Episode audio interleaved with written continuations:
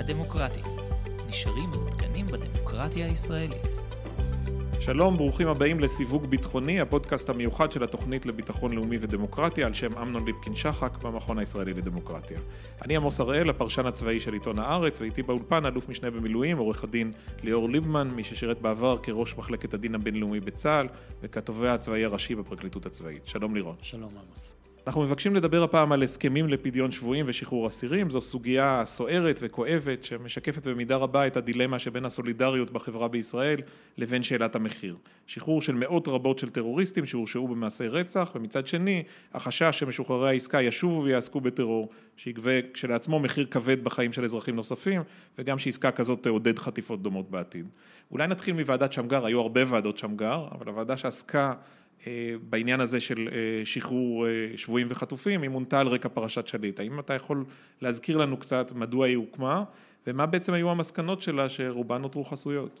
כן, זה, זה התסכול העיקרי שאולי גם הוביל אותי אה, לחשוב אה, בעצמי על איזושהי הצעה בנושא הזה, מכיוון שבאמת אה, אה, אני ציפיתי לראות את המסקנות של ועדת שמגר. אני חושב שהנושא הזה מציק כבר הרבה שנים. אה, ובסופו של, וברור גם מה היה העילה למינוי הוועדה, זה באמת חוסר, ה, חוסר הנוחות זה ב understatement אה, שכרוך אה, באמת בהיעדר קריטריונים בעניין הזה, כן, מדברים לפעמים על דם על הידיים, על, על מספר מעשי הרצח, על הבדל בין מעשים לניסיון, אבל זה דברים שקשה מאוד מאוד לשים פה את האצבע ולהגיד פה זה מוצדק, פה זה לא מוצדק, פה זה מוסרי, פה זה לא מוסרי, פה זה מועיל או לא מועיל. ובסופו של דבר, כשוועדת שמגר סיימה את עבודתה, היא הגישה אותם לממשלה, היה איזשהו פרסום שהיא הגישה לממשלה, שהמסקנות הן סודיות ביותר, ושהשורה התחתונה או משהו שישראל צריכה להפסיק לשלם מחירים כל כך גבוהים. אה, שזה בסדר, אבל אה, אני חשבתי שאני יכול אה, אולי להוסיף משהו לשיח בנושא הזה על ידי דווקא הצעה של קריטריונים שהם ההפך הגמור, כלומר הם כוחם דווקא בהיותם גלויים מוצרים מראש וברורים גם לצד השני. אבל אתה יכול להבין את ההיגיון של שמגר וחברי הוועדה האחרים שאומרים זה לעיניכם בלבד, לקברניטי המדינה, ונשאיר בעצם את הציבור מחוץ לדיון הציבורי? כן, כמי שהיה הרבה שנים בצבא, אני בוודאי מבין שיש דברים שהם סודיים וצריך לשמור אותם בסוד, אה, אתה לא רוצה שהאויב ילמד מה בדיוק הגבולות שלך כדי לעבוד בדיוק עליהם, על התפר. אמ, כך שאני חלילה לא פוסל דברים, אני גם לא יכול לפסול דברים שאני לא ראיתי ואני לא מכיר ואני לא יודע מה יש בהם. אבל בכל אני... זאת אבל אתה אומר את ההפך, אתה אומר מזווית הראייה שלך, ובכל זאת איש מקצוע שעסק בתחומים משיקים לכך הרבה שנים, כולל אה, רמ"ח הדין הבינלאומי בפרקליטות, אתה בעצם אומר דווקא אור השמש פה הוא רעיון טוב בהקשר הזה, ידעו כל הצדדים למה הם נכנסים? אני לא חושב שזה חייב להיות בינארי, זאת אומרת זה לא זה או זה, אני גם לא יודע מה הם הציעו, אני יכול לומר שהרעיון שלי בעיניי, לפחות שווה לבחון אותו, ובאמת כוחו דווקא בהיותו ידוע מראש ו, וגלוי. אז בואו נתאר לרגע את העקרונות של המתווה הזה. מי, לפי הצעת ליבמן, אה, לא ייכלל בשום אופן בעסקה אפשרית של שחרור, והאם מודל כזה באמת, להבנתך, יכול, אה, בהנחה שנופל עלינו עוד סיפור כזה, כרגע אנחנו דנים בעצם בשאלה של אזרחים ישראלים שמוחזקים בעזה ובגופות של שני חיילים, אבל אם נופל על מדינת ישראל, וזאת אפשרות מאוד ריאלית, אה, משבר חדש מסוג אה, שליט או פרשת גולדווסר ורגב, איזה כללים אתה מציע? כן, אז קודם כל אני מקווה כמובן שהדברים יישארו תיאורטיים, אה, לפחות בכל מה שנוגע לשבויים, להבדיל מהנושא של גופות, שגם יש כאן איזושהי מורכבות, אבל אני חושב שכן נכון וחשוב לעסוק בנושאים האלה דווקא שלא באמצעו של המשבר. הרבה יותר קל לקבוע כללים ולדון בעניין בצורה עניינית, כשזה באמת לא, לא מוחשי. הרעיון בתמצית הוא זה, אה, יהיו מועמדים לשחרור במסגרת אה, עסקאות מהסוג הזה, אה, רק מחבלים, רק פעילים צבאיים פלסטינים או אחרים, שנתפסו שלא במהלך ביצוע פשעי מלחמה על ידם. לעומת זאת, מי שביצע פשעי מלחמה לא יהיה מועמד לשחרור, כן? אז אם באמת להמחיש את זה, פלסטיני שהתפוצץ, אה, אם הוא התפוצץ באוטובוס אין לי מי לדבר, אבל שהטמין מטען ש... אה, באוטובוס שפגע באזרחים, שתקף אזרחים ב... במסעדה או במקום כזה. וזה פשע מלחמה כי זה מהלך מכוון? זה פשע מלחמה כי זה פגיעה מכוונת באזרחים. אה, גם פלסטיני שפגע בחיילים, אבל עשה את זה במה שנקרא דרכי מעל, כלומר, פתח באש מתוך אמבולנס, שזה אה, אובייקט מוגן שאסור אה, להשתמש בו ללחימה, ניצל מדים של צה"ל, לבש מדים של צה"ל כדי לתקוף, אלה דברים שאסורים לפי המשפט הבינלאומי ומוגדרים כפשעי מלחמה. מי כן יהיה מועמד לשחרור? מועמד לשחרור. יהיה מועמד לשחרור מי שנתפס במהלך פעילות כנגד חיילי צה"ל, הוא תקף מוצב, הוא תקף איזשהו כוח של צה"ל במקום אחר, הוא הטמין אה, מטען חבלה על גדר הגבול, מקום שרק סיורים צבאיים עוברים בו, ונהג פחות או יותר, ולו לפי הרף התחתון של מה שמצופה מלוחם, כלומר לבש מדים, או לפחות נשא נשק בגלוי.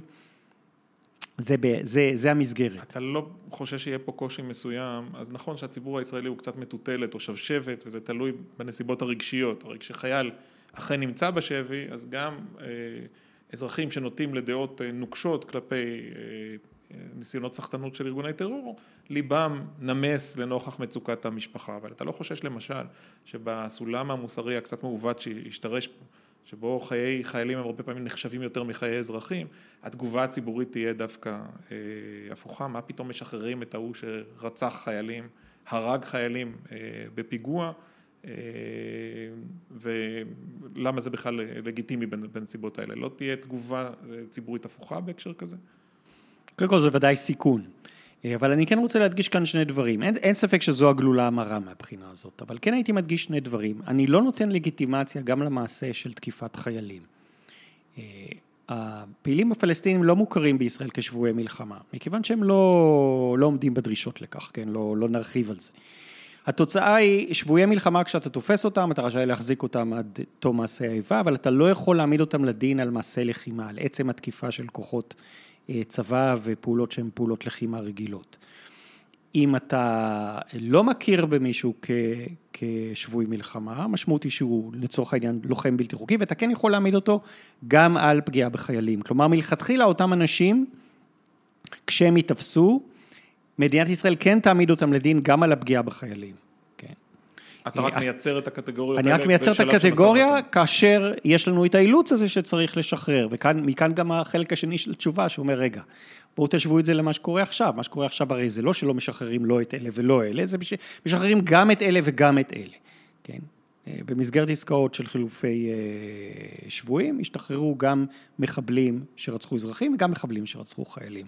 אני אומר, בואו נשים לפחות את הקו האדום על משהו שאני חושב שגם הקהילה הבינלאומית, יהיה קל להסביר לה את זה, מכיוון שאלה הבחנות אובייקטיביות ומוכרות בדין הבינלאומי, כן, אתה יכול בהחלט לטעון שגם הפלסטינים, אם היו מכבדים את הכללים הבינלאומיים, הם היו צריכים בכלל לא לבקש שהאנשים האלה ישתחררו, או לכל היותר לבקש שהם יעברו לכלא אצלם. מנקודת מבט משפטית, קצת מנותקת אולי, מרוחקת מהמישור הרגשי, אתה רואה מצב שבו ישראל מתחילה להתנהג בהתאם נעזוב לרגע את הרוסים, למה שדמוקרטיות מערביות חלקן אה, מתנהלות מול ארגוני טרור בעיראק, באפגניסטן, הבריטים והאמריקאים הרבה פחות פתוחים למשא ומתן מאיתנו. אני יודע שנהגו לומר ככה לאמריקאים, אני לא בטוח אחרי הסיפור האחרון, אה, שהם כבר כן הסכימו לשחרר כמה פעילים של, באפגנ... אני מדבר על סיפור באפגניסטן, אבל הם עדיין לא הגיעו ל... מעולם לעסקה של 1027 תמורת אחד. כן, יש לנו, יש לנו את הדברים המיוחדים שלנו. אה, אז, אז בעצם מה השאלה, האם, האם אנחנו יכולים אה, לגלגל את העניין לאחור? אני חושב שזה קשה. אנחנו כבר באמצע אני, המדרון החלקלק. כן, אבל אני חושב שמה שיכול לעזור, וכאן באמת אה, דיברתי על הצעה שהיא גם גלויה, כן, כלומר, הקריטריונים הם ברורים, אה, ברורים מראש, ואני חושב שחשוב גם, למה חשוב לי אגב שהם יהיו ברורים מראש? כי חשוב לי לשדר אותם לצד השני, כן.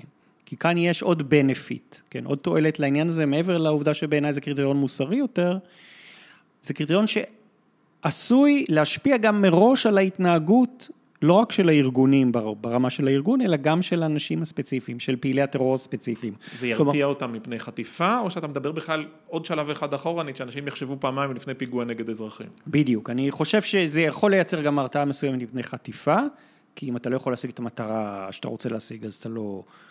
אה, תנקוט, אבל גם אם זה לא, זה כן מייצר איזשהו תמריץ מאוד ברור, אם אתה כבר עושה פעולה נגד ישראל, לעשות אותה נגד יעדים צבאיים. אני חושב שיש לנו אינטרס, לא שחיי חיי חיילינו יקרים פחות, אבל אנחנו גם יודעים להגן על חיילינו והם יודעים לטפל בהגנתם בצורה טובה יותר. ואני חושב שזה עשוי, אם נעביר את המסר הזה, באמת להשפיע על, מלכתחילה על התמריץ של האנשים, ולמנוע לפחות את הפגיעות. אה, את הפגיעות באזרחים. איך עושים את זה באמת כדי שבעת אירוע עצמו כל התורה לא תשכח? אני חושב שיש כאן, אה, עשויה להיות כאן תועלת בעיגון הדברים בחקיקה. מכיוון שחקיקה, אתה קצת קושר את ידיך מראש, אתה מאותת לצד השני שאתה גם לא תוכל בהכרח לתקן את זה בזמן אמת, אם תרצה. זה שם את ברירת המחדל לצורך העניין של איך מנהלים את המדיניות בנושא הזה, במקום שונה מאשר הוא נמצא כאן היום, ואולי זה תשובה לשאלה על האם אפשר בכלל לגלגל לאחור את המצב הלא כל כך נורמלי שהגענו אליו. לירון, תודה רבה. תודה רבה. תודה למאזינים, אנחנו מסיימים כאן עוד פרק בסדרת הפודקאסט סיווג ביטחוני, אתם מוזמנים להיכנס לבלוג סיווג ביטחוני באתר המכון הישראלי לדמוקרטיה, להגיב ולשתף.